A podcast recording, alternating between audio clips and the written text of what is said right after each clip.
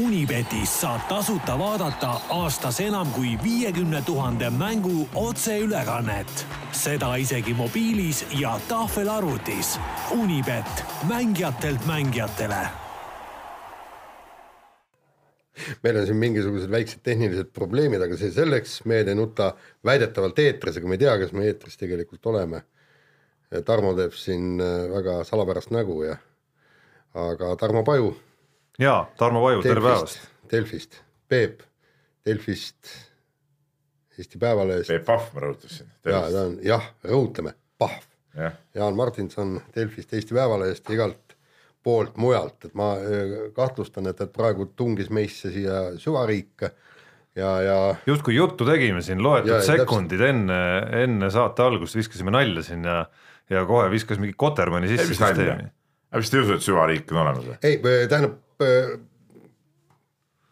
selgub, et, et peavoolumeedia ehk siis nagu meie siin oleme sina ka, Peep, kusjuures. ja kusjuures sina ka, Peep, et me oleme sü-, süvariigi üks kolmest osast. jaa, aga minu südametunnistus on puhas, mina olen tulnud siia peavoolumeediasse nagu süsteemi sees. peaasjalikult õõnestaja roll, jah. Okay. ja, ja Tarmo võib kinnitada, et igal koosolekul no, eks, ma äh, üritan vähemalt, annan oma need, väärika panuse. nagu sa, Peep, väga hästi, Peep, nagu sa väga hästi oled kursis Eesti ajalooga, siis äh, enamikest tublidest kommunistidest said suured vabadusvõitlejad ühel hetkel. ehk süsteemi õõnestajad et eks nad ka. ei no aga ma olen ka vana komnoor ju, milles asi noh, ja ma tean, kuidas see õnnestumine käib. Ah, juba seal, Jaan, me võitlesime Nõukogude võimu vastu tegelikult. ja, ja kuule muide, mis, mis on väga huvitav, on see, et kui me räägime sellest sünnikohtadest, kõik me räägime, et me oleme sündinud Eestist, ei, me oleme sündinud Nõukogude Liidult, Nõukogude Liit oli see riik. Ja eile vaatasin hoki MM-i eel neid äh, koosseise.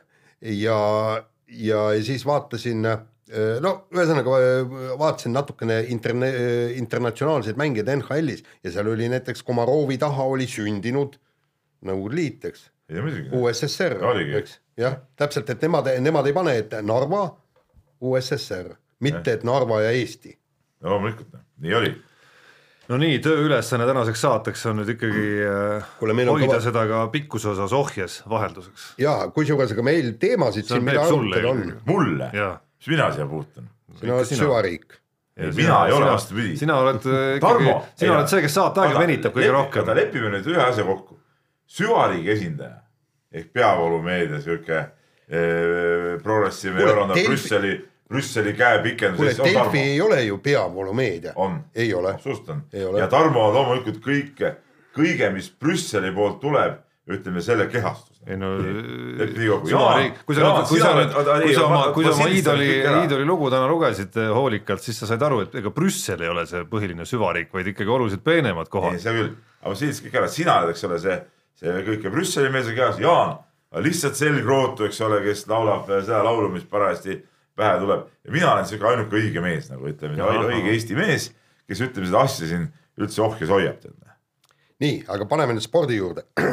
Äh, Kalev Cramo mängude eel VTB äh, veerandfinaalide eel ma lugesin, et propagandaliigas, eks ole. ja propagandaliigas, seda niikuinii, aga siis ma lugesin, et, et tahetakse Kaasanis esimestest mängudest midagi näppude vahele jääks ja minnakse ikkagi võitlema, üks mäng võiks sealt ära võtta, kõik nii, nüüd on kaks mängu läbi, vaata ei näe nagu midagi. mina räägin näppude vahel teises mängus, eks ole, nad, äh, Kalev võitis äh, teise mängu kolm viimast veerandajaga niimoodi kokku võttes.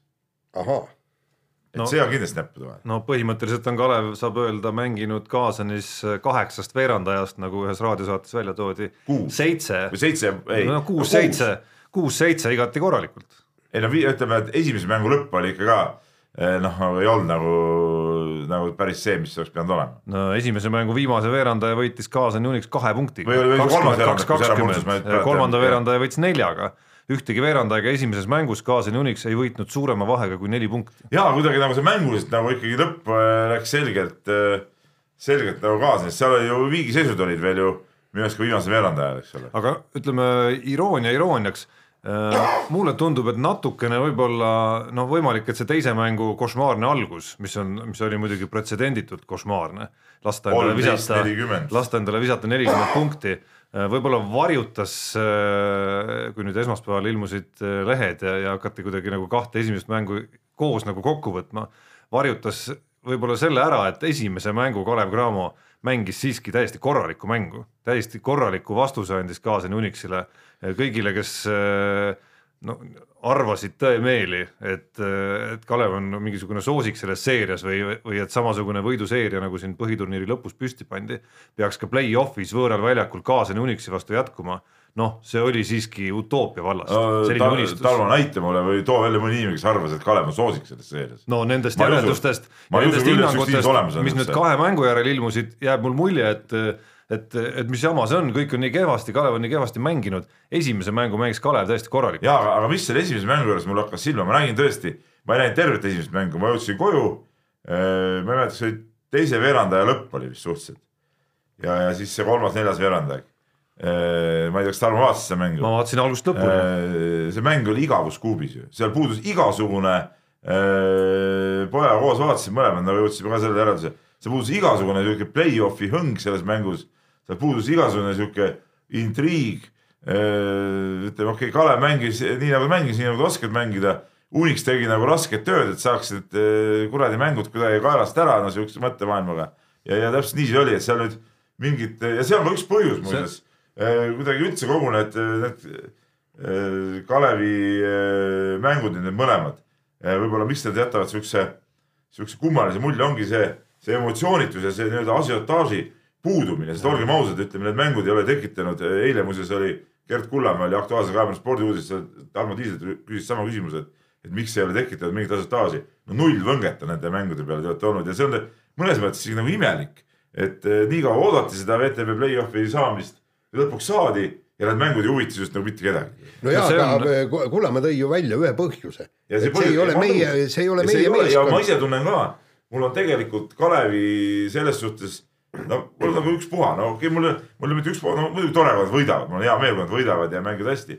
aga ma ei tunneta ennast selle meeskonna fännina ka, sest sest kokkupuuteid selle meeskonnaga on ainult läbi mõne üksiku sihukese persooni, ütleme Kangur, Torbek Äh, noh, okei okay,, Keedus seal, Kitsing ja ongi kõik, et aga, aga sihukest, sihukest suurt, äh, suurt, et jess, see on nüüd meie, see on nüüd minu värk seda ei ole. see on, siin on nüüd minu arust nagu kaks poolt selles loos, et äh, üks pool on see, mis pilt avanes seal telepildi vahendusel ja selles osas ma pean tunnistama, et, et Venemaa klubid on, on üks nagu tohutu suur pettumus Euroopa korvpallis tegelikult ja Venemaa korvpallipublik on ikka üks nagu äärmiselt vilets korvpallipublik äh,. paari, erandiga. ma korraks lõikan vahele. ma olen ise olnud selles samas saalis, kaks tuhat kolm oli see vist, eks ole, kui Müürsepp võitis seda mm. -hmm. See oli äsja ehitatud hall, Kaasani baskethall, see on kuus tuhat inimest, see oli puupüsti täis, olid eurosarja Final Fouri mängud, see atmosfäär on üks võib-olla annab, no ütleme, kõvem atmosfäär oli, kui me sinuga Tarmo olime kaks tuhat üks. ja see oli võib-olla teine atmosfääri poolest mida ma üldse korvpallisaalis olen näinud. Äh, ma, ma ütlengi mõne erandi sinna juurde, et Kaasanis on olnud paremaid aegu ja kindlasti võib-olla kui Kaasan mängiks ma ei tea, finaalseeriat CSKA-ga oleks hoopis teine pilt VTB liigas, et selge, et nende jaoks veerand, veerandfinaalseeria Kalev Cramoga noh, on ikkagi selline nagu eelmäng millelegi suurele, aga sealsamas Kaasanis, Kaasani Unix mängis sellel hooajal ju Eurokapi poolfinaalseeriat, kaotas selle äh, ka Eurokapi poolfinaali kodumängus mis lõpuks jäigi nagu viimaseks kohtumiseks seal liigas, oli enam-vähem sarnane atmosfäär, mis oli nagu hämmastav ikkagi, väga suur pettumus ja, ja me teame, kuidas Euroliiga satsid Himki ja CSKA on saanud oma mängudel sellise nagu päris aura üles alles viimastel hooaegadel päris süsteemse tööga. on see lõpuks juhtunud, et Venemaal on noh äh,, ma ei mäleta, kes see, kes see ekskorvpallur on, kes kommenteerideski on lisanud, et selline nagu raamatukogu õhkkond yeah. on ikkagi selline üsna tavapärane nähtus. aga mis puudutab nüüd asiotaaži Eesti poole peal siis, siis minu arust see pilt nüüd küll nii, nii kehvakene ei ole. mitte keegi ei räägi sellest äh,. ma ei tea, minu, minu ringis ma tean inimesi, kes ikkagi väga sättisid oma päevaplaane pühapäevalgi selle järgi, et, et ütleme välja ei tule, et kindlasti täna õhtul tuleb ikkagi seda mängu vaadata, sest ikkagi veerandfinaal. no, no, no sa tead, Tarmo, et minu ring on ka väga korvpallivaatajad ja, ja, ja, ja ma tunnistan ausalt mul isegi mitte kellegiga ei olnud isegi juttu sellest mängust. et see, mida ma ise see olen nagu,. see nagu, see juba näitab seda, et, et kui minu oma tutvusringkonnas, kus näiteks Žalgirisest, sellest on nagu palju juttu ja, ja on sihuke nagu siis sellest mängust praktiliselt mitte midagi ei olnud. aga, nagu aga noh, see, mida ma olen ja mida sagi oled hooaja jooksul näinud, on ikkagi see, et sõltumata sellest, kas see mäng tugineb seal kolmele mustale mehele või ja millist rolli seal eestlased mängivad, publik on ikkagi rohkem leidnud äh, tee saali ja üks suur pettumus, mis mul on nüüd selle play-off seeriaga ja ma ei teagi, oled sa aru saanud, mis asjaoludel see nii on, et see homne kohtumine ei ole Saku Suurhallis, vaid on Kalevi spordihallis? ma ei ole isegi kuulnud seda, jah, see see on imelik muidugi, et ta seal Kalevi spordihallis on, aga. sest hooaja üks kõvemaid hetki vaieldamatult oli ikkagi kodumäng Moskva CSKA-ga, mis peaaegu tõi Saku Suurhalli rahvast täis. aga see tõigi ikkagi CSKA tõi seda rahvast täis, mitte Kalev. ma usun, et üks sihuke ütleme Eesti sellele viimasele okimängule sarnase arvu tooks ka see, tooks ka see homne kohtumine, kui see oleks suurhallis. Tarmo, aga noh, ma kõrvaltvaate pilguga ütlen, et, et isegi ajakirjandust väga ei huvita see, see praegune seeria, sellepärast et noh ei ilmu seal mingisuguseid ülevaateid, skeeme, värke, särke, arvamusi, kuidas võiks üks teine mängida. mul tuleb alati meelde see äh, Nõukogude Liidu äh, meistrivõistluste finaalseeria äh, üheksakümmend üks kui, kui, kui niivõrd põhjalikult võeti kõik see ette ja kõik mäletad Kuusma vigastus VEF-iga, kõik tähendab noh, see, see oli niisugune asiotaaž. võtame sarnaselt Tartu, Tartu Rock eurosarja Final Fouris Küprosel siis ju ilmusid ka ju hunnikutes artiklid no, just, kõik arvustati. äkki see on meie enda tegemata, äkki see on meie Permi... enda tegemata töö. ei, aga, aga ma ei vaata oma seisukohast, kui Rock mängis eurosarjas selle Permi Uralgreidiga veerandfinaalseeriat, ma käisin Permis ka kohal. Aga praegu mul ei tekkinud isegi kordagi mõtet, et ma läheks kaasa. konkureeriv väljaanne näiteks oli kaasas no,. no ja, ja mis nad sealt, no mis siis, et olid need. aga, aga ma räägin minul enda, kes ma olen korvpallis kirjutanud, ma ei tea, kakskümmend viis aastat võib-olla, mul ei tekkinud kordagi mõtet, et ma peaks minema Kaasanisse küll, aga, aga toona, kui Rock mängis seda, siis ma Permis käisin kohal ühel mängul. jah, aga ma olen kindel, et kui Kalev võtaks nüüd kaks mängu kodus ära, viiendaks mänguks, noh, tuleb minna eks, eks, eks, eks siin tuleb, eks selles seerias, eks selles, eks selles seerias tuleb natukene see VTB liiga häda välja, et isegi kui sa pääsed play-off'i, mis nüüd lõpuks ja. Äh, ajaloolisel kombel sai äh, juhtuma meie meeskonna jaoks, siis noh, tõenäosus on ikkagi ülisuur, et siis tuleb piir ette. Ei no seda nagu. no ebareaalne on mängida, mis see Kalevi eelarve on kusagil poolteise ja. miljoni euro kandis vist, et ebareaalne on üheteist miljoni või kümne miljoni vastu seal ikkagi nagu päris tõsist lahingut anda. jaa, aga Tarmo, ole aus, ikkagi Seerias. üks põhjus on ikkagi see, et see meeskond kui selline, kus äh, meil ei ole omi säravaid vendi sees, äh, on ikkagi see, mis ei paku ikkagi ja rahvas käib see Kalevi spordihalli täis ja sinna mahub tuhat viissada inimest, jah. sihukese publiku loomulikult ajab kokku, ajab ka mõnes vägevas mängus siin kaks-kolm tuhat mängu, sihukest üldist üleüldist asiotaaži selline võistkond ei tekita. ma ei vaidle selles mõttes vastu, et sa tead väga hästi, et, et ma väga tahaks, et seal oleks Eesti mängijaid. eriti mõni noor Eesti mängija, kes meie silme all just Kalev Cramos teeb mingisuguse esiletõusu hooaja jooksul, alustab kolme minuti pealt ja hooaja lõpuks on näiteks kahekümne minuti meheks tõusnud. see oleks minu ideaal, mis paneks, ma arvan, nii mind kui ka võib-olla veel rohkem inimesi kaasa elama Kalev Cramole. aga noh, ütleme mängu juurde korra naastes, siis kui ma siin esimese mängu äh, kontekstis noh, oleks Kalevi osas ikkagi nagu pigem nagu kiitev ikkagi. seda enam, et see äravajumine toimus sel hetkel, kus üks kolmest põhimängijast ju langes vigastusega välja. siis, siis see teise mängu algus on küll selline, kus tahaks Šarunas Jassikevitšuse sõnu kasutada pärast seda, kui Žalgiris oli veerandfinaalis saanud esimeses mängus korraliku koslepi kätte Istanbuli Fenerbahce käest ja kuidas see Jassikevitšuse lause oligi seal, et mehed peavad oma jalge vahelt ja, midagi üles otsima nüüd. nii on, aga, aga no ega tegelikult see järgmised, ütleme, kui võtame teise mängu korraks veel ette, et eh, teine, kolmas, neljas veerand no, neid ei ole mõtet vaadata. aga, aga noh, ega Unix tegi seal täpselt ju nii palju, et seda seisu. ei, need ei maksa midagi. jah, need ei maksa mitte midagi, ma tahtsingi ütelda, et, et noh, et selles suhtes ei maksa, saa niimoodi vaadata, et, et me oleme teinud seitse okeid veerand aega, et see nagu, see jutt nagu ei päde laseme kõlli või? lase kõlli. kas me kuuleme ka? millist me laseme, laseme seda. Unibetis saab tasuta vaadata aastas enam kui viiekümne tuhande mängu otseülekannet. seda isegi mobiilis ja tahvelarvutis. Unibet, mängijatelt mängijatele no meie. huvitav see, et meie Jaaniga seda kõlli ei kuule, Tarmo teeb sellist nägu, nagu ta kuuleks. oota, saad aru, see on süvariigi on. süvariigi kõll. jah, jah, see on. Need, kes, kes on. meiesugused vabaduse eest seisjad nagu ei kuule te isegi ei tea, mis praegu eetrisse läks. ja täpselt, me nii-öelda pealriigi. see käib üle teie peade lihtsalt. ja, ja, ja, ja me pärast kuulame ära ja kui siin on midagi, ütleme, ütleme meie põhimõtete vastast, noh siis järgmine kord Tarmo tuleb siin, noh seda ei saa naeratada. nii kiire vahemäng ja alustame vehklemisest. see on nii peenelt Peep tehtud, et sa ei saa isegi aru, isegi kui sa kuulad. see on, see on nii, ütleb see ülikiire vahemäng. ja, jah, et äh, räägime EP-vehklemisest ja äh, algas olümpiahooaeg ehk siis nüüd koguti esimesed individuaalsed olümpiapunktid Kolumbias äh, ja Eesti ve- vehklejaid pääses äh, põhiturniirile äh, ootamatult palju, kaheksa suisa. aga, aga taaskord Katrina Lehis vedas kenasti välja, jõudis äh, poolfinaali, sealt sai valitsevalt maailmameistrilt küll tappa, aga kolmas koht on, on kõva, kõva avaldus ja ja kui me, ma rääkisin treeneriga, sul oli ka temaga väike kontakt seal ja, ja kui ta rääkis, et kuidas valmistuti just selleks turniiriks ja nüüd nendeks hetkedeks, kui praegu tuleb, tuleb kohe Dubais turniir ja siis EM ja MM ja ütles, et nad tahavad kohe algusest peale paugutama hakata. ja kõik on korras, paugutasidki, kolmas koht on öö, väga hea tulemus. ja, ja kusjuures oli korralik laager oli olnud, siis nad läksid veel paar päeva varem sinna kohale, et ajavahega, tähendab, nad võtsid seda. sõitsid päev varem kui ütleme, tema, Lehis, Tihvert ja Sten Priin sõitsid päev varem kui ülejäänud seltskond sinna. Just.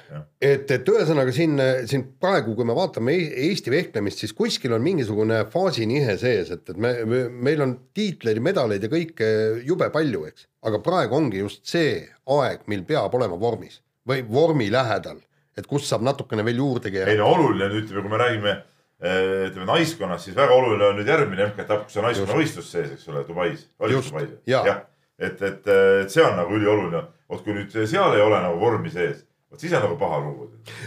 ütleme niimoodi, et, et nüüd kolm, kolm turniiri järjest ehk siis Dubai, EM ja MM, need võivad otsustada olümpiapileti saatuse mm. -hmm. et kui sa nendel kolmel öö, võistlusel vehkled hästi, siis öö, edasi sa võid tiksuda oma täiesti rahulikult mingi viit- vi, viiendate kohtadega selle olümpiakohani, aga kui sa nüüd põrud, siis sul on nüüd järgmisel aastal need üksikud turniirid, mis seal naiskonnavõistluses on, siis sa pead hakkama noh, kindlasti võitma, siis on pinge palju me ei saa suurem. muidugi öelda, et praegu peaks millegipärast põruma, sest ütleme, kui võtame selle individuaalturniiris alagrupi eh, matšidest tuldi ju, ütleme seal see kuus tuli ju kõikide võitudega läbi, aga, aga liiga vara langesid nagu lihtsalt eh, konkurentsi. põhimõtteliselt kõik, kõik langesid e-, esimeses ringis peale Lehise ja Beljajeva.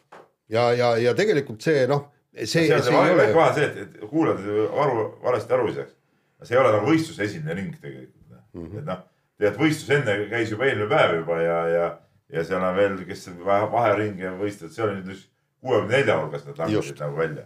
et, et seal oli osaleb mingi kakssada naist tegelikult, et noh. aga juba, juba Dubai aga ei on tohi järg- nii, vara välja langeda muidugi. just, Dubai on järgmine nädal ja, ja see näitab äh, küllaltki palju, et, et millises vormis ollakse muidugi. päris huvitav kalender on muidugi tehtud, et kõigepealt sõideti nüüd see Kolumbiasse, eks ole, ühele poole nii-öelda maakera ja siis järgmine nädal on, on võistlus teisel pool maakera Dubais, et, et päris see kalendri koostajad on ka päris huvitavaid niisuguseid lükkeid nagu teinud, et saaks nagu ümber maailma reisi nagu teha. et jalajälg oleks hästi Jalajälg, suur jah., ökoloogiline jalajälg. aga vahetame teemat ja eh, Narva Transi jalgpalliklubi vallandas lätlasest peatreeneri Dimitris Kalašnikovsi, sest eh, vastasel juhul pidanuks tal palka tõstma. meeskond oli siis pärast eh, avaringi nelja parema seas ja, ja säärane punkt oli siis lepingus sees, mul on tunne, et Jaan on siin natukene nüüd fakte väänanud, sest esimene ring sai ikkagi läbi, läbi ju alles nädalavahetusel ja Trans enam ei Jaa, ole nelja parema seas jah, nad oleks olnud neljas. kui oleks treener paika no jäänud. ütleme nii, et, et kasutades äh, Läti, ta ei ole lätlasest peatreener loomulikult, vaid ta on Läti äh, treener Jevgeni Kalašnikovs eh, Dmitris või Dimitris. et kasutades tema perenime Kalašnikov, siis, siis noh, tegelikult vääriks, ütleme Kalašnikoviga natuke seal pauku ka teha, et noh, et, et selle klubi pihta, sest et noh, ütleme, see on idiootsus klubis noh. mis, mispärast sa üldse sinna seda klubi teed, et kui klubil läheb hästi ja sa teed lepingusse, et kui klubi mängib nagu, et treener head tööd, klubil läheb hästi, siis pead natuke palka tõstma, aga selleks mitte palka tõsta, sa selle head tööd teinud treener saad minema, noh. no kuule, pane, pane kinni oma klubi siis, see on, see on idiootsus klubis ju täiesti. ja kusjuures, kui ma saaksin aru, et, et tõesti see, see palgatõus on mingisugune kakskümmend tuhat eurot kuus või midagi niimoodi, ma kujutan ette, mingi tonn, tonn viissada jah, pisku, eks ole. jah, sinna otsa ja et, et see on no, no, absurdne ma ei saa nagu aru, et mis, mis selle klubi idee siis üldse on või miks, miks seda üldse tehakse siis noh? mis mõte on seda teha siis noh?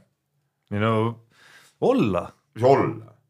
olla, olla lihtsalt, kusjuures pange tähele, mitte liiga palju pead tõsta, nagu paljudel inimestel, mitte liiga palju pead tõsta, aga samas nagu kulgeda nagu nii-öelda, kulgeda nagu hallilt niimoodi jah, no aga see on ju totter elu ju noh. kuule, aga, aga kusjuures mõtle pärast äkki jõuab kuskile eurosarja või kuhugi. no jaa, aga sealt tuleks peab sinna, ei no mis see jama, no siis peab jälle sõitma pileteid ja- kinni panema ja sõitma ja- ja- kuskile ja staadion äkki ei sobi ja no siis ilmselt ei sobigi Nõmme staadion selle jaoks ja nii edasi. noh, täiesti mõttetu ja tarbetu sihuke nii-öelda nagu eh, lisakohustus tuleb Jah. lihtsalt peale sul. palju parem tiksuda niisugune viiendal, kuuendal, seitsmendal kohal rahulikult vegeteerida aasta kaks-kolm ja kõik tulevikku ja mis. kaks-kolm, Trans on vegeteerinud eh, ikka oluliselt kauem. eksistentsi aja seal tead noh. nii, aga kindlasti ei tegele vegeteerimisega Venemaa suusaföderatsiooni president Jelena Välbe, endine tippsuusataja, kes siis äh, alkoholist rääkides põrutas, et mis pagana punane vein. ma olen ju vene naine ja vene naine tähendab seda, et ikkagi vahaljast valatakse teeklaasi ja, ja tõmmatakse juba sto gramm nagu sisse ja, ja kusjuures ja, ja loomulikult peale ei hammustata, vaid nuusutad kas varukat või siis peenemas seltskonnas leiba või, või siis sibulat. Just, kas mitte just Venemaa suunalt ei tulnud ikkagi see komme, Peep, et, et võetakse peale küll, aga võetakse lihtsalt õlut. no seda nagunii, noh seda vahest jah, ma isegi kasutan seda nippi tead aga ma muidu ma peale ei võta mitte kunagi näiteks morssi või nagu mõned võtavad, ma, mina seda ei kasuta. morsipidu on siin tead nagu see Eesti elu nagu, nagu. ei no ma seda ei harrasta, aga, aga mina peale ka ei võta, kui siis vahest tõesti väike lonks õlut. noh. ei, aga noh, nõukaajal olid ju need õllepaarid on ju, siis noh, meestel oli taskus siis niisugune väikne kahesaja grammine viin on ju, siis sort sinna õlle sisse, et paremini mässiks.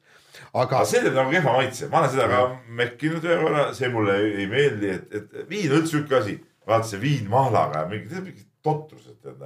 viina võetakse ikka palju, paned pitsi sisse, sihuke mõnus, paned põmdi ära, hingad ja on jälle hea olla. piiritust oled joonud muidu või? ei, päris piiritust ei ole jah. aa ei noh, okei okay..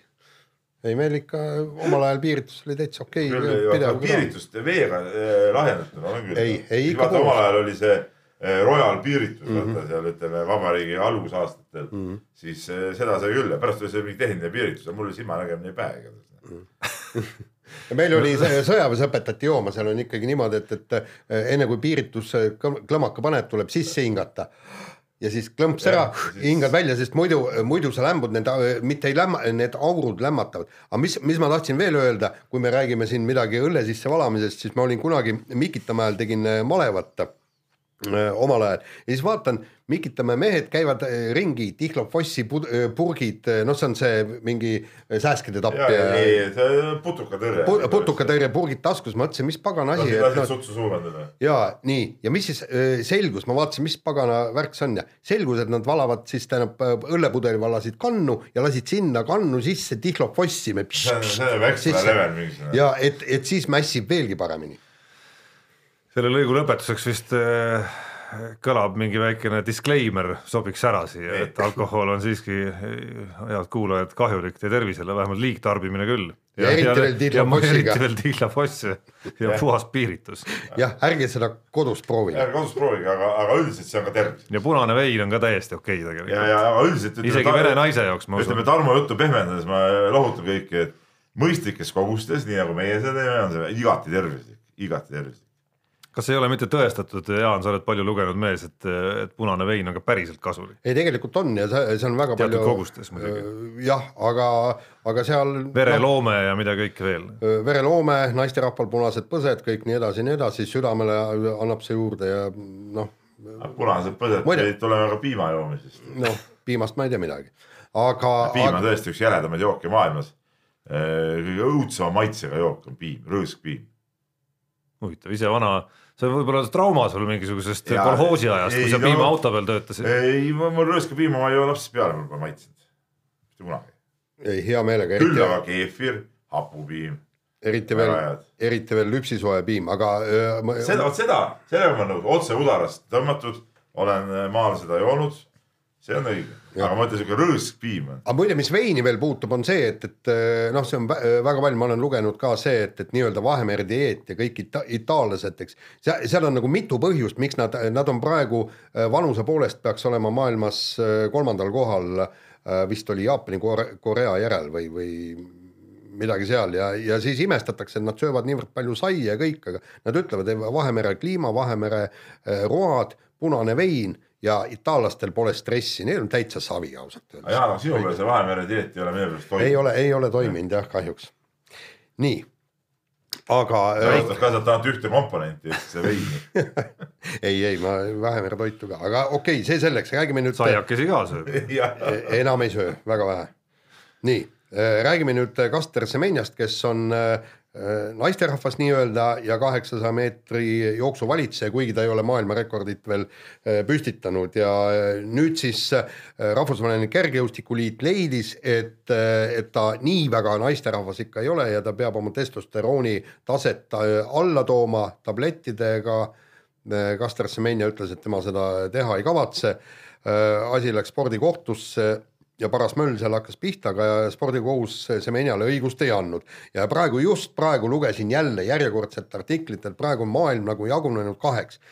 ühed ütlevad, et, et eh, liigne testosterooni kogus eh, Semenja organismis on lihtsalt füsioloogiline era- eripärasus, ehk siis see on täpselt sama kui korvpallis kaks kolmkümmend pikkus.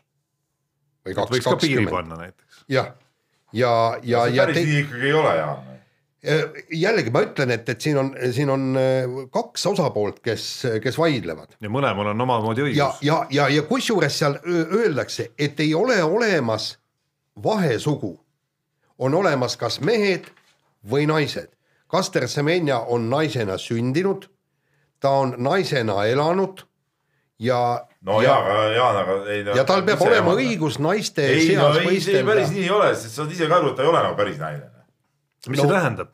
No Kus see- kus see- kus see piir nüüd? on ju mees, kust see, kust see, mehe teatavad. Jaa, aga kust see piir nüüd jookseb? kus me, see- meeskromosoomid on tal Jah. küll jah, just, et ma mõtlen, kus see piir nagu jookseb ikkagi, et kuhu see joon nagu tõmmata, et äh, on see testosterooni tase või, või mingisugused äh, muud nüansid, et no aga see ei ole nagu, ei ma saan aru. Ma saan aru, ongi hästi keeruline- hästi keeruline olukord, aga mina küll ei poolda, et, et ta võistleb praeguses seisus seal, siis saabki sporti teha, midagi teha ei ole. ma ei tea, mulle, ei, mulle tundub küll, et praegu ei mõeldi lihtsalt ühe naise pärast reegel välja. ei tohi starti lasta. ja, ja, ja sinna sa- samma kõrvale siis viidati trekiratturile, ma ei mäleta, mis ta nimi on, kes on olnud lõikas ennast eh, ümber, eks ole. ja, ja lõikas mehest naiseks ei no see peaks olema selgem case. ja aga tema võistleb ja ta tuli sa võid maailmameistriks. ju otsustada, ta võistleb. ei no jaa, aga vot, vot see ongi nüüd kummaline, kummaline värk, et, et, et mis siin teha, aga seal toodigi, et Kaster Semenya on öö, naine ja just testosteroonid ja kõik need mu muud asjad on tema füsioloogiline iseärasus, mida on igal tippsportlasel, võta kõik need tippsuusatajad, jooksjad, kõik neil on hapniku tarbimisvõime erakordne, eks. noh, võta kinni. aga kiire vahemängu lõpetuseks tahaks küsida Peep sinult, et äh, mida hekki toimub nüüd teie kandis ehk et oleme siin rääkinud küll äh, probleemidest äh, kohalike elanike ja ja diskgolfiraja pidajate vahel Tõrvandis, mis asub ikkagi ütleme teisel pool Eestit äh, suures pildis, aga nüüd sinu kandis Paldiskil on lõhutud ka värske diskgolfirada ära, Peep, kas äh, sul ei ole korda majas seal? no tähendab, ütleme, hakkame just sellest pihta, et, et eh, kahjuks pean ma elama selles eh, Värdvallas Lääne-Harju, mida tegelikult nagu ei ole nagu olemas, et Paldiskiga ei ole meil mitte mingit pistmist otseselt. selles, et meil on sund kokku liidetud, mina olen Vasamäe valla mees. No kaugel Paldiski asub? ei no paar kilomeetrit ja noh, ja seda küll, seda küll. sinu hoovis, aga ta oli, aga ta oli omaette ja me ei, mina olen ikkagi nii-öelda, pean ikkagi oma vallaks saanud seda Vasamäe valla piirides, ütleme see, mis jääb sinna väljapoole, see kõik on noh, võõrad minu jaoks. see esiteks, teiseks. sa oled ka ikka nagu sihuke kergelt moodi tõusik ikkagi, et kõik see, mis on Vasalemast nüüd nagu Tallinna poole, Keila ja kõik siuksed kohad, need on nagu omad, onju. aga kõik, mis jääb taha, see on nagu kolgas. ei, mis on omad. No omad, Keila on sinu jaoks ikkagi nagu oma koht. ei Keilas koht, kus ma käin korvpalli, korvpallialas tööd tegemas, nii nagu Tallinnas ma käin tegemas eh, kirjatööd, eks ole, et noh. siis ma olen kunagi öeldud, mind Tallinna probleemid huvitavad. ma arvan, et kui siin Keila discgolfi rajast käiks jutt, küll sa siis möllaks Ei, praegu. Paldiskis sa tahad distantseerida ennast. sa ei lase ju lõpuni rääkida. no räägi, räägi. ma ise selle uudise meile ju ütleme nagu panin, kuna ma siiski jälgin selle eh, imevalla eh, Facebooki ja sealt see välja tuli kohe. No muidugi, noh, no totakad ju noh. ma tahtsin sinna mängima minna, aga ma ei jõudnud sinna mängima minnagi, juba enne rõhuti ära. kuigi noh, jama see, et see on lühike rada, see on üheksa, üheksa korviga rada ainult, aga see alles sai valmis ja igal juhul oli plaan minna vaatama, mis seal on nagu Paldiski on. iseenesest mulle muidugi Paldiski koht, eriti see pae peal äge seal ja ma käin väga, ma käin aastas korra-kaks käin igal juhul seal nagu. seal on ka üks äh, huvitav sihuke söögikoht on Paldiskis, kus ma käin tihtipeale ja, ja ei, iseenesest Paldiski on normaalne koht, aga ma ütlen, et siukeste noh, ega siukeste kohta ei saagi muud moodi, kui, kui eh, anna lihtsalt nuuti, tead noh. anna nuuti, kui, kui, kui saad teada, kes sa tegid, et noh, siin ei ole mingit ja meie kohtusüsteemi ei saa usaldada, see on ka selge, eks ole. see on ainult üks kuradi silitamine ja nii nagu need vaata need Ustimenkod ja vennad on seal, istuvad seal kinni, eks ole ja, ja teevad, jätkavad nii-öelda kuritegelikku äh, tegevust ka vangilaagris olles. kunagi nad sealt välja ei saa, neil ükskõik, tead näe. Minu arust siukest Ustimenkot tuleks aheldada ju seinaga kinni, tead näe. et, et, et nad ei saaks midagi teha, kätest ja alust nagu see meritäht oled seinaga üles päev läbi. öösest lastakse diivani peale, tead näe. või noh, selle lavatse, puidust lavatse peale, tead näe. samamoodi muidugi tuleks sellisel juhul ikka ma pooldan, et ka Paldiski nende pättide oma kohus, oma kohus, inimesed näevad, kurat kohe seesama korviga tead üle turja tead anda tead noh, vot see aitaks. aga, aga, aga ausalt öeldes ei saa aru, et, et mis viib inimest äh, lihtsalt läheb ja lõhub mingisuguse asja ära, Debiilsus. jah, aga muide, teine küsimus on see, et, et tänapäeval need videokaamerad, need, need, need sa ei saa tervet seda, ei, seda rada ju, ei, kaamerat ei katta metsas ei, ma no., ma saan aru, et mitte seda, aga, aga sa saaksid ikkagi paar kaamerat panna, mis tegelikult palju ei ma- maksa ja vaatad ise, kuskohast, et ta võtaks võimalikult ei no seal piisab juba kaameratest, võib-olla mitte päris seal, aga kusagil läheduses ühest, et aru saada, mis seltskond see sinnakanti liikus parasjagu. ei no ma kujutan ette, kui seal on eh, mingisugune piirkonna volinik eh, nii-öelda politseinikuna, tema, tema kindlasti teab, mis kambad seal liiguvad ja no ma ootaks, ootan nüüd pikisilmi nagu uudist, et pätid on kinni püütud. Ja siis lähevad ise sinna ja hakkavad korda tegema. aga noh, igast idioot on ju, Keilas tehti, ma räägin Keilast, eks ole. Keilas on see koolis, kooli kõrval tehti uus staadion siin aasta-kaks tagasi ja seal on keskel see kunstmuru väljak, noh et koolistaadioni see muru nagu kuluks ruttu ära. väga hea, mängime Kossu poistega jalkat seal, kui meil ettevalmistav periood. ja siis loomulikult mingid ju, mingid töllakad on ju otsustasid teha muidugi lõkke sinna mingi aeg ja põletasid mingisuguse tüki sealt välja, noh. No täiesti, täiesti nagu ebareaalsed asjad. no alles käisin, käisin Arukülas kooli hoolekogus, kus siis äh, üks mu vana klassivend, kes ka seal on liige, rääkis loo, ta ise elab Aruküla raudteejaama lähedal. Ja siis äh, üks seltskond kogunes äh, õhtupoolikul just nimelt siis nagu raudteeperrooni peal, tundub niisugune lahe koht, kus siis äh, samal ajal kui on mõned seltskonnad, kes tunnevad näiteks igatsust selle järele, et seal lõpeks staadioni remont ja tuleks lõpuks Korvi plats tagasi ja saaks seal siis nagu palli mängides aega veeta, siis on olemas ka seltskonnad, kes eh, kogunevad raudteeperroonil ja kus näiteks on täiesti okei okay, hakata siis seal need eh, ajakava tahvlid, eks ole, sõiduplaanid klaasi taga kuidagi, et siis nagu jalaga hakata nagu jalalööke harjutama selle tahvli peal nagu.. aga kas te ei ole kaalunud seal oma külas, et paneks siis need, vaata on nüüd moodsad on need välijõusaalid, eks ole, et paneks siis mingid olemas? väliboksikotid nagu üles, et saaks sinna taguda. kusjuures üks on ole, ei boksikotti seal ei ole, ei no mine metsa tao siis kasvõi osta puud oma rusikatega. ei no aga puu teeb ju katki, aga see pleksiklaas. no ei ta lähe midagi nii kergelt katki, võta üks korralik. ei, käsi läheb katki, ma räägin. ei no lõpuks läheb sul see jalg ka katki, kui sa selle kildudeks lööd. ei, ma lihtsalt, ei, ma ei, jumala eest ei kiida heaks seda. ma lihtsalt mõtlen, et võib-olla nende meelerauks võiks mingi väliboksikotid kuskil tekitama, vaatame, kas nad siis lähevad seda taguma või jätkavad oma tegevust ja taas, kus on Aruküla piirkonna volinik No no,, on teil üldse sihuke või? ikka peaks olema. tutkid. Mingi konstaabel või keegi. Ikka peab olema vallas. meil on ka valla konstaabel, nüüd see vald on ju mingi, mingi miljoni kilomeetri pikkune, laiune. Ei no meil seda- politseinik ongi seal Paldiskis. ei no seal meie vallas ei muutunud midagi. no te jah, te, vaat te suutsite säilitada iseseisvuse, noh. vaatamata euro, euromehe pingutustele, ütleme kõikidega liituda nagu. arvates kõikidega, Raega, Tallinnaga. Ei no teiega ma ei taha, Peep. maailma, Euroopaga. Ma tahtsin kõigiga liituda. suur Euroopa valla, noh. ma tahtsin kõigiga liituda, aga mitte teie suur vallaga Euroopa. keskusega kuskil Pariisis. selle augu Keila ja ütleme Vasalemmaga, et sellest, selle ma oleks tahtnud välja jätta kuidagi ikkagi. nii, Tarmo, lase kõlli vahepeal. nii, Peep, ja kirju, kirju on seekord. Palju, osad kirjad lähevad meil järgmise ploki esimesse teemasse sisse, mis puudutavad suurepärast jäähokit, mis siin oli, aga võtame siis need kirjad, mis ei lähe sinna sisse. Ja hakkame pihta äh, Martini kirjaga ja küsib nii, et et kõigepealt soovime edu hea saate tegemisel, tänud tänud, eriti edu mulle, teised ei ole väga head saadet veel teinud. teised aga ma loodan, et teistele pole seda vaja, sest nad on niigi head, Peep, aga aga sulle on tõesti vaja nagu kuigi lisaturgutust kogu aeg vaata. vastupidi. nii, et saadab siis meile siukse küsimuse, mis te arvate, kas Sarunas ja Tsikavitsusel oleks mõistlik minna NBA-sse peatreeneriks ja kas te kujutaks teda seal samamoodi treeneritööd tegemas, nii füüsiliselt kui ka emotsionaalselt ja verbaalselt? no Tarmo, mis sa arvad?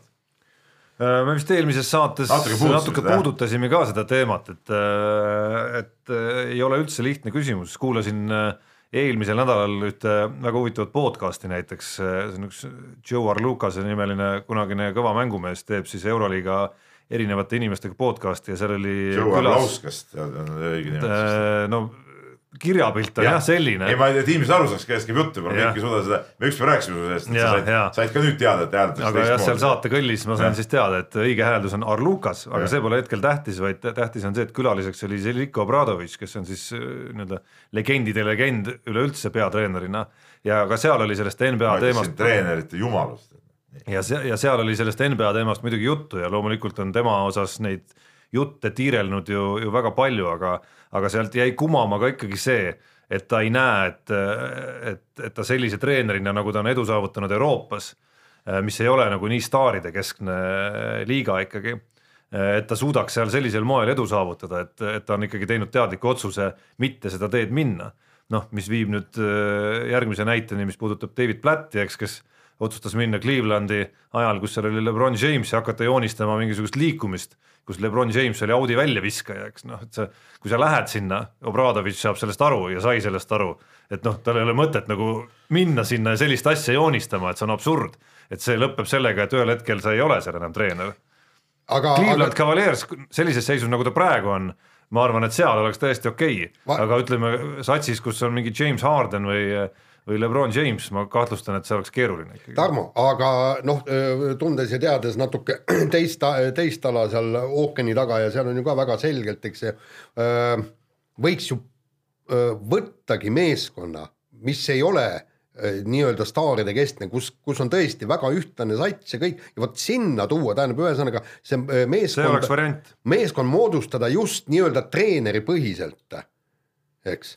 nojah, aga näiteks eh, ei olnud ju väga, ütleme nimede poolest ka ja, ja tasemelt väga kõva sats, kus oli see Sloveenia koondise peatreener äh, Kokoškov, Kokuskov jah, aga ka ei, ei tulnud midagi välja näiteks. noh, seal on see häda, et ega sul ilma väga Kui tema- säravate tegijateta NBA-s läheb ka võib-olla tulemuse tegemine tema ei olnud, ütleme selle- tüübi treener ka nagu on Obradovitš ja, ja Sikjavitsus võib-olla, et, et eh, siuksed mö, möllavad peatreenerid, tema siuke nagu rahulikum kuju võib-olla.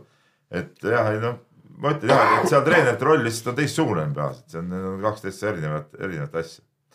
nii, aga eh, Kalle kirjutab meile ja, ja küsib meie käest sellist asja, et käivad sahinad, mida ka Delfi vahendasid sain, et Andrus Veerpalu müüb oma kinnisvara Eestis maha ja kolib Hispaaniasse.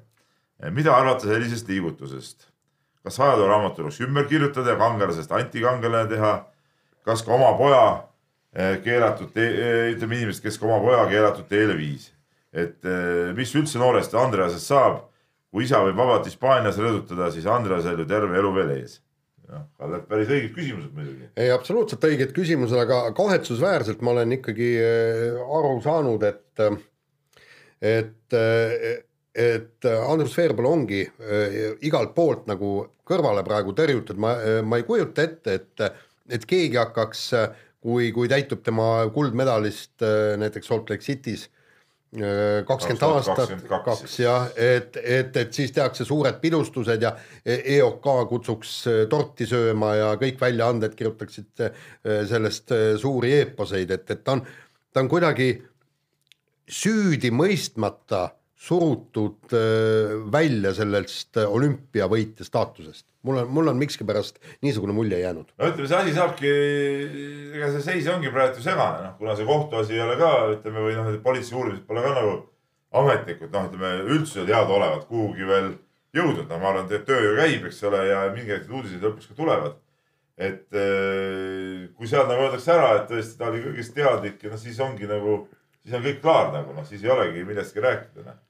Kui tuleb välja, et ta ei teadnud, kuigi noh, sportlased tunnistasid, et ta teadis, noh siis on jälle no siis peab jälle teistpidi neid asju vaatama. noh. ega see nii-öelda paos olemine ja, ja, ja mitte midagi ise ütlemine ka kasuks nüüd ei tule sellele nii-öelda nagu noh, ma ei saa öelda puhtalt edasiminemisele, aga noh, kuidagimoodigi nagu sirge seljaga edasiminemisel elus. siin kui, Eestis vähemalt. ja kusjuures tegelikult oleks ju väga lihtne olnud kogu see, kogu sellest jamast mööda minna, kui hakkame pihta, eks, et enne Oslo MM-i oleks see kasvuhormooni jama tulnud lihtsalt juba enne karjäär ära lõpetada, sa oled ju võitnud kõik, mida sul veel vaja on. okei okay,, sellest pääsesid üle ja nüüd ütled sellele poisile, et kuule, sa oled lolliks läinud või? sa hakkad nüüd äh, verd vahetama või?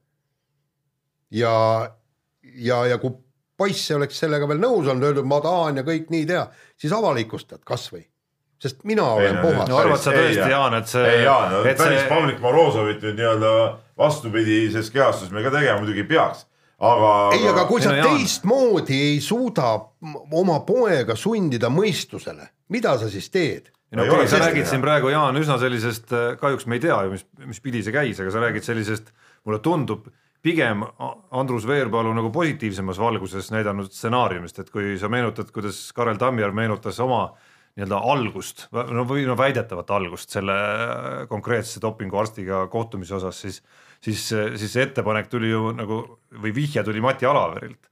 et kas sa tõesti arvad, et Andres Veerpalu oma peaga mõtles selle välja, läks isa juurde ja ütles, et kuule, ma tahaks ka midagi sellist proovida. ei, seda mitte, aga isa oli ma usun, et ta sai ka selle signaali siiski kuskilt äh, väljaspoolt ja, ja, ja, ja esimene kahtlus läheb siiski Andrus Veerpalu suunas. Mati Alaver, Andrus Veerpalu ikkagi noh, ütleme, nad on ikkagi ju äh, nagu üks süsteem, see on nagu selge.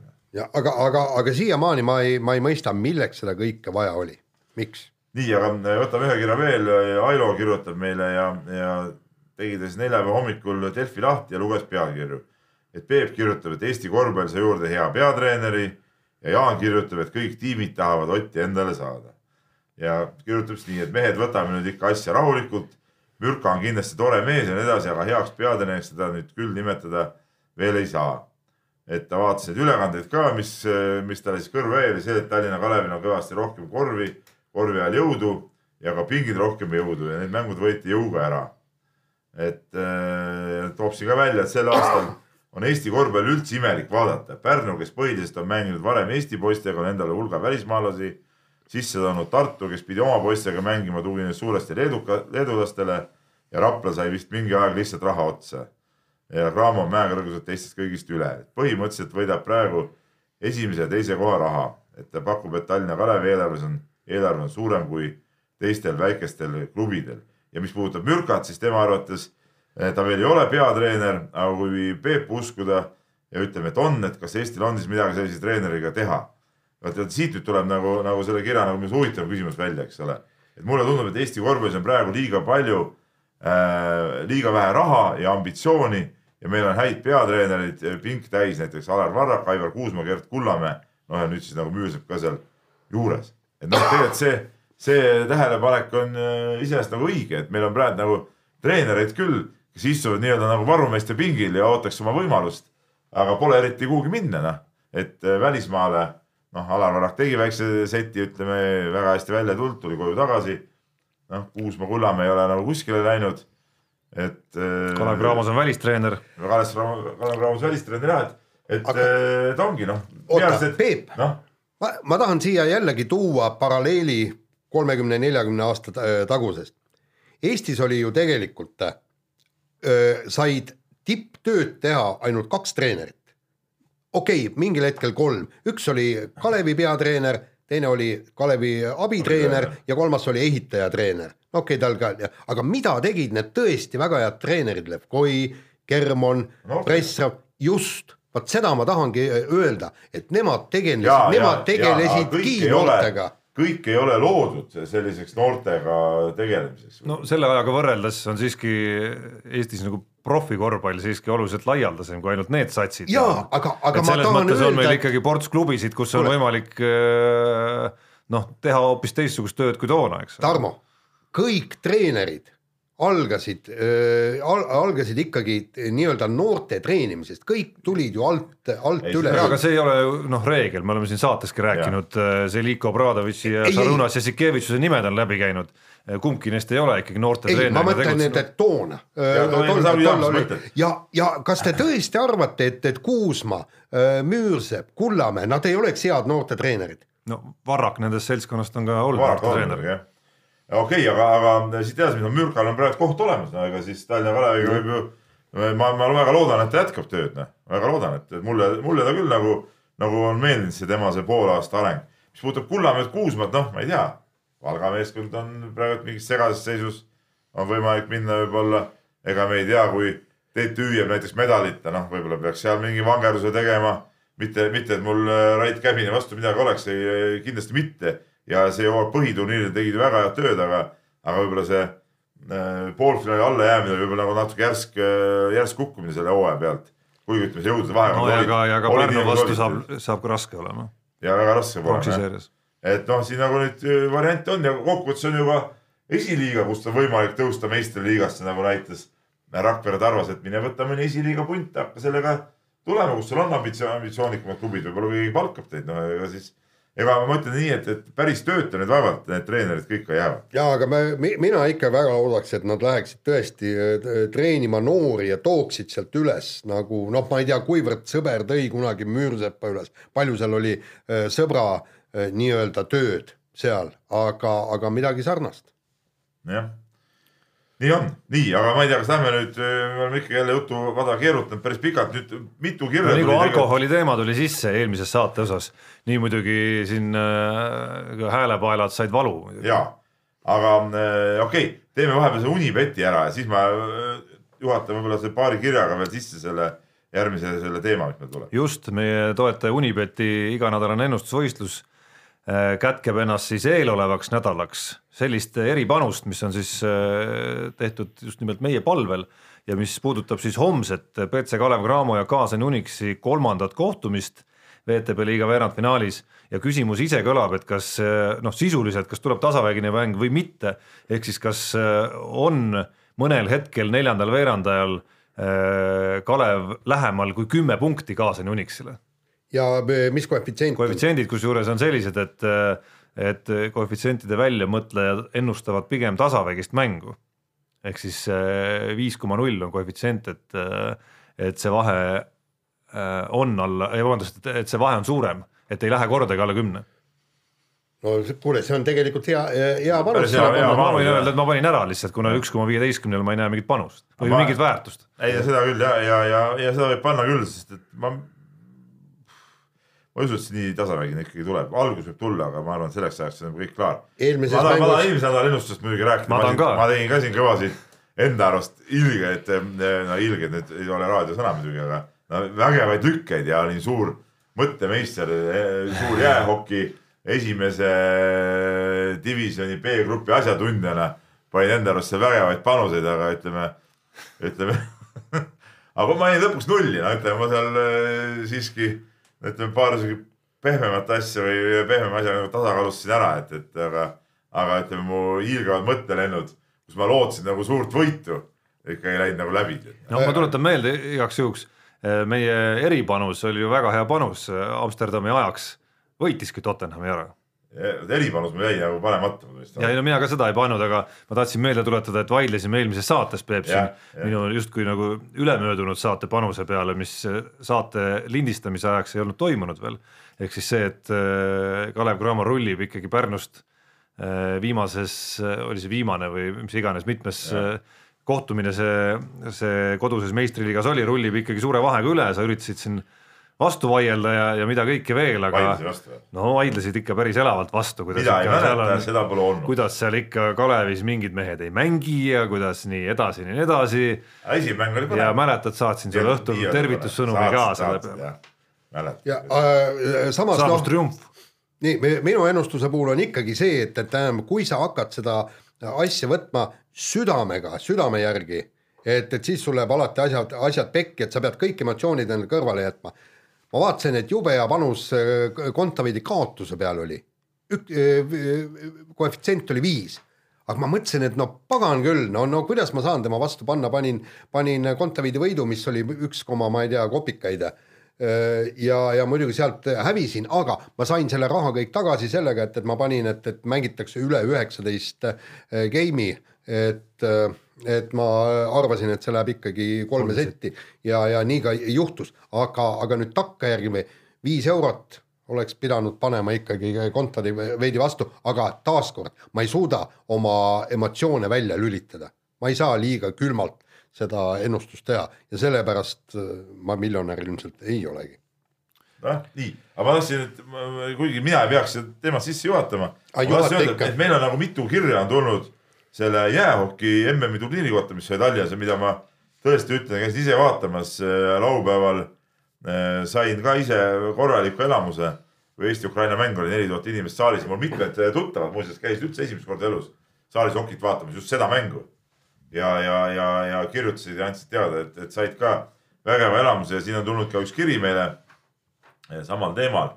et käis siis inimene vaatamas Eesti-Ukraina mängu ja ka vaatas esimest korda Okit koha peal ja uskumatu, kuidas see mäng emotsioone üles kütab. et ei ole kunagi sporti vaadates niimoodi röökinud, et pärast on hääl ära.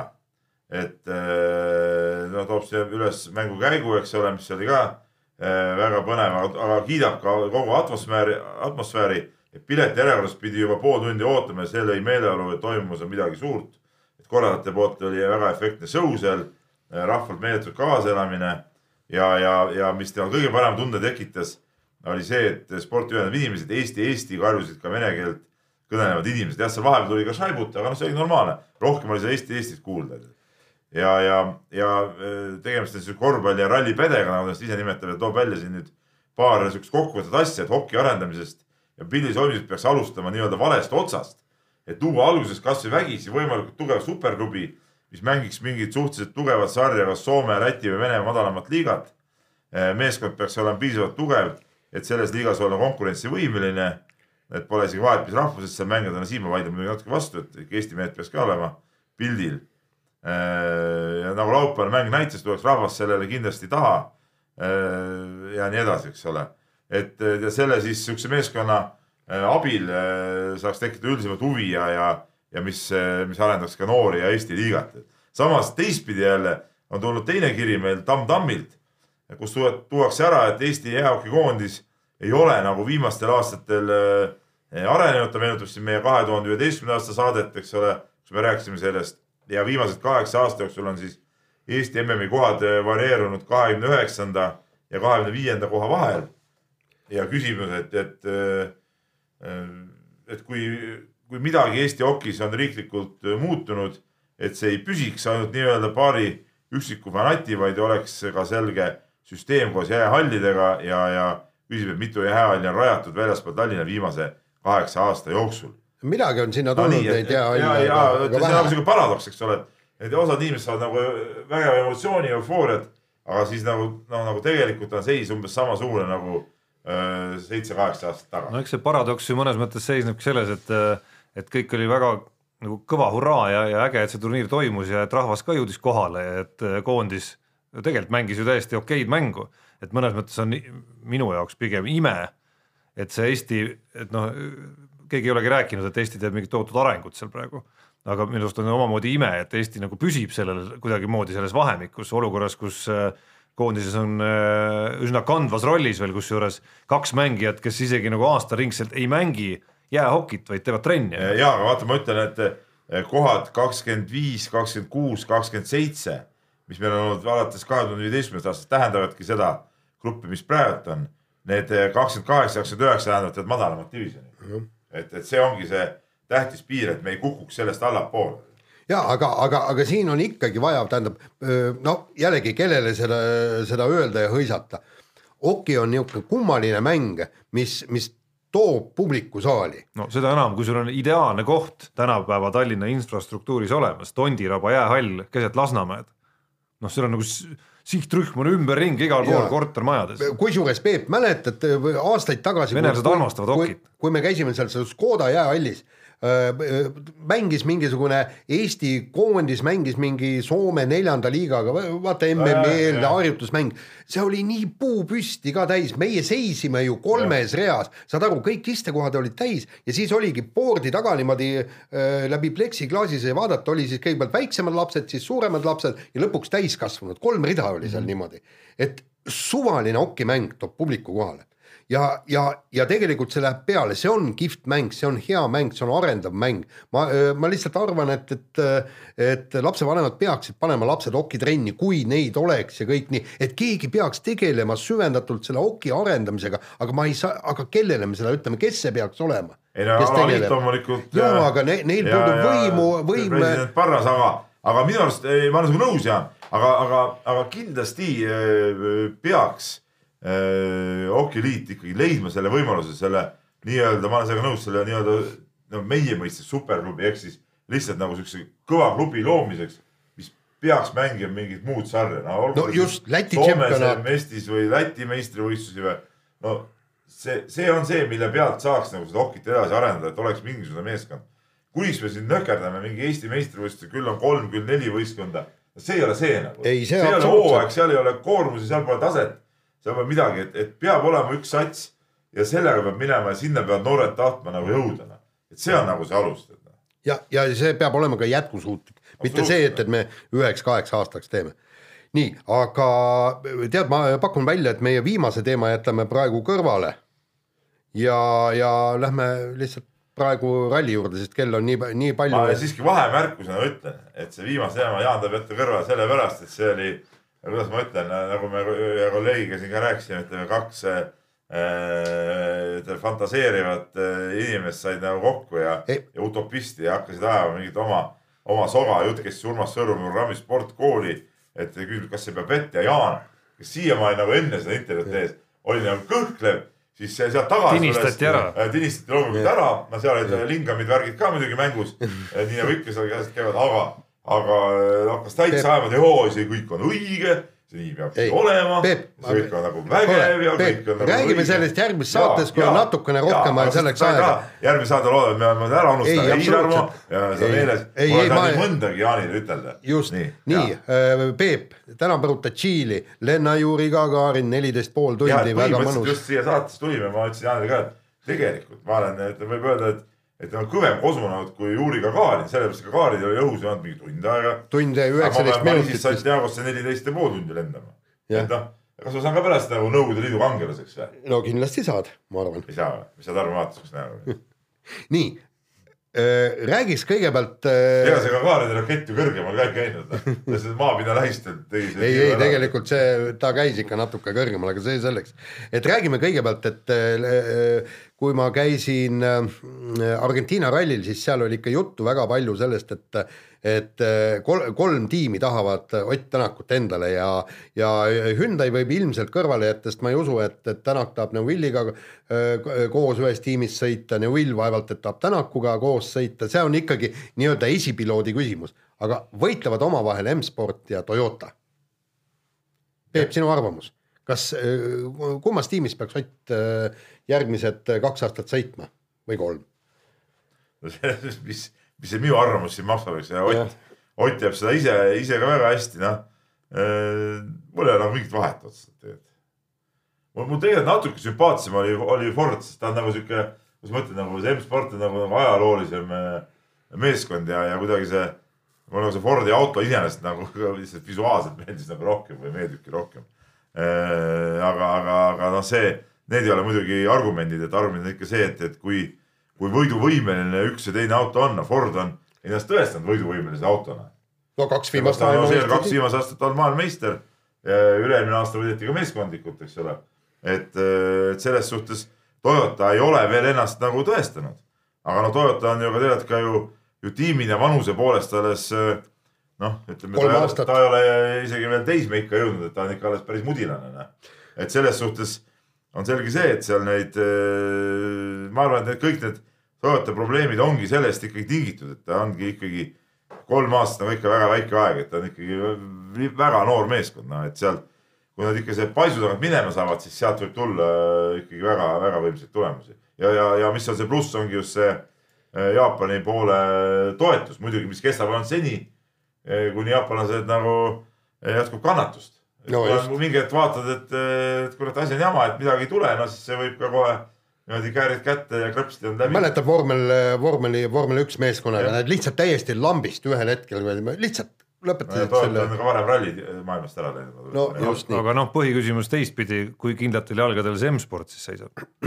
no M-sport seisab nii kindlatel jalgadel, et vaata, tiimid on kukkunud paremale ja vasakule, küll on Volkswagen ära läinud, küll on jumal teab, aga kes on äh, olnud kogu aeg Malcolm Wilson, kas ta siis Fordi nime all või M-spordi nime all? ta on eratiim ikkagi. ta, ta on ikkagi e- eratiim, aga, aga, aga tal on olemas suured tehased, on ähm, püstitatud nii Inglismaale kui ka Poolasse äh,. ta valmistab väga jõuliselt, nüüd tuleb uus Fiesta välja äh, R5, R5 auto, et ta, ta müüb neid ka väga edukalt ja kõik see, et see ralli ongi ju temal selleks, et elus püsida. et see ongi tema See äri alus, jah. see on tema äri alus ja, ja, ja ma, me, me just seal äh, arutasime ka ajakirjanikega, et kui, kui tulevad uued regulatsioonid ja Hyundai läheb ära ja Citroen läheb ära, no Toyota ilmselt mitte, siis ma olen täitsa kindel, et M-sport jääb ikkagi. aga Peep, nii palju, kui me Tšiili rallist teame, et ta on kiire, voolavad teed, sujuv, peaks Toyotale jube hästi sobima No ainukene küsimus, kuidas Toyota vastu peab. nojah, see, see küsimus on muidugi alati, et ega me ei tea kunagi, me ei tea täpselt ju, võib piisab ühest kivist, et, et midagi võib juhtuda, noh. huvi loodame, et ei juhtu, sest noh, sihukest eh, totrat reisi nagu sina Argentiinas tegid, ma nagu ei tahaks nagu ette võtta. aga ma mäletan siiski ajaloost äh, Marko Märtini aegadest veel totramaid reise, kus ikkagi nagu jõudsin, jõudsin kohale Kreekasse siis, kui Märtin oli, oli juba katkestanud, tead noh. et noh, oli ka siuke lugu, aga, aga eh, noh, ma arvan küll, et eh, on head võimalused, aga see kõik on mingi, no meie arvamus maksab mitte midagi, rallit sõidetakse esimest korda, siin tuleb väga palju ka sellest, eks ole, nüüd see on natuke nagu sõitjate ralli ka, et ei ole see, et sul on nagu kõik eh, kiiruskastid juba peas, mida on sadu kordi sõidetud, mingid vanad legendid, mida sa kohendad. kõik hakkavad puhtalt lehelt, kuidas sa selle nende teede peal eh, nullkogemuse pealt eh, selle kiiruse legendidel paika paned ja, ja sealt hakkab see asi kõik hargnema, et, et, et selles suhtes see on, ma arvan, selle aasta üks huvitavamaid rallisid. Ja see on, see on igal juhul nagu näitab nagu, nagu sõitja taset, just mitte ainult see, et sa oskad kiiresti sõita, vaid nagu kogu, kogu selle kompleksi, et kuidas sa legendi paika saad just tundmatus kohas ja arvestades kõiki neid asjaolusid seal, et noh, et see on, see on väga-väga põnev. ja, ja ku- kuidas sa suudad kohaneda, sellepärast Kohaneda, pärast, pärast esimest läbimist sa pead muidugi legendi muutma ja, ja kõik see, et ja tead, me ei tea, mis need teed eh, seal tegelikult eh, teevad nagu läbimise järel noh. no ja absoluutselt, et äh, seal sellist kogemust ju, kus nii palju neid äh, värtsusid käib läbi, seal on päris palju ka äh, kohalikke sõitjaid äh, nende väiksemate autodega. mis need teevad nende teedega, et, et selles suhtes, just vaatasin, stardinimekiri päris pikk tegelikult. ja üle kuuekümne auto ja ma muide, tegelikult on üks äh, siia saate lõpuks veel üks huvitav asi, arutasime jällegi seal Argentiina ralli ajal, rääkisime muide ka äh, Martin Järveojaga, et see on au, iseenesest kummaline, et miks tänapäeval ei ole esiautosid kruusarallidel. Neile oleks seda esiautot teatud rallidel märgatavalt rohkem vaja äh, kui, kui asfaltrallidel, sellepärast et seal sõidetakse kive välja, kurvi taga võivad olla kivid, kuidas on see teed rööpasse, kus kohta on tekkinud libedad kohad, et, et see tegelikult on noh, nagu öeldi, Argentiina rallil oli teisel läbimisel oli üllatusi no minu arust see esiauto, see, kas see üldse on siuke asi, mis teeb rallit liiga steriilseks nagu? no, et, et no, just, ralli on nagu ikka siuke metsik kihutamine, et ta ei ole nagu ringrajasõit, et eh, kus sul on kõik peas ja paned masinlikud need ringe. Seal ongi ootamatud olukorrad. no jaa, aga siis kaotame esisõitjad ka siis jaa, ei ma mõtlengi, ei, seda ma ütlengi, et kas need esisõitjad sellised üldse nagu ei, ei muuda seda rallit liiga, liiga steriilseks. nii, kuigi aga sa ei saa muidugi kunagi välistada seda. siis kui vaata esisõitja ära, ikkagi mingid inimesed võivad olla teatud kohtades ja anda informatsiooni. No just. ja see on ka praegu kruusarallil võimalik tegelikult. no just, aga noh, tead, et on keerulised kohad, no hea uudis on see, et Jaani asemel ikkagi on Peep minemas sinna ja loodetavasti Kiviõli, võitude, võitude Kivi- jätkata, mul on praegult eh, kolmest viimasest kohal olnud rallist kolm võitu. et nüüd algab siis, ma teen siis neli või mitu rallit ma järjest teen, et, et, et kes on Kihlvee kontoris tahavad panustada, siis praegu on just see hetk, kus panustada kõik Oti, Oti võitu peale. tead, anna, annaks jumal, ma olen täiesti nõus sellega, et, et Peep võtab kõik, kõik võidud, siis, siis ma saan ka rahuliku südamega minna mõnele vahepealsele rallile ära käkerdama ja nii, aga, aga mitte nii hea uudis on see, et meil on tulnud tagasiside saate ajal, mis haakub siis äh, Jaani väitega siin, Oliver on meile kirjutanud, Jaan ajab jälle kägu, just juhtus inimene vaatama Leo Komarovi profiili NHL-i koduleheküljel sünnipaigaks Narva Estonia. mina äh,, ei Viki, NHL-ist, me rääkisime Jaa. praegu, Jaan vaatas ei, ei ei, ei NHL-ist ja vaadake, vaadaku Aa. Vikipeediat, vaata, vaata Vikipeediat, kui, kui see on keegi ära parata, Vikipeedias ongi, on, on, on, on nõudeliit ja muidugi on Jah. sportlastel. just, ja, ka Venemaa mängijatel on seal äh, USSR. just, nii, aga sellega on saade läbi, kus kohast Peep järgmist saadet teeb, seda me ei tea ausalt, ma ei ole isegi veel mõelnud selle peale, aga kindlasti me ilmselt teeme saate kuskil linti, sest et ma arvan, et sel ajal ma kindlasti olen kuskil vist veel õhus, kui nädala pärast samal ajal tagasi teel aga loodame, et Euroopa võidukalt, poole jõudmas. loodame, et ikkagi võidukalt, nii, sellega saade läbi juhuu. juhuu. mehed ei nuta. Saate tõi sinuni Unibet, mängijatelt mängijatele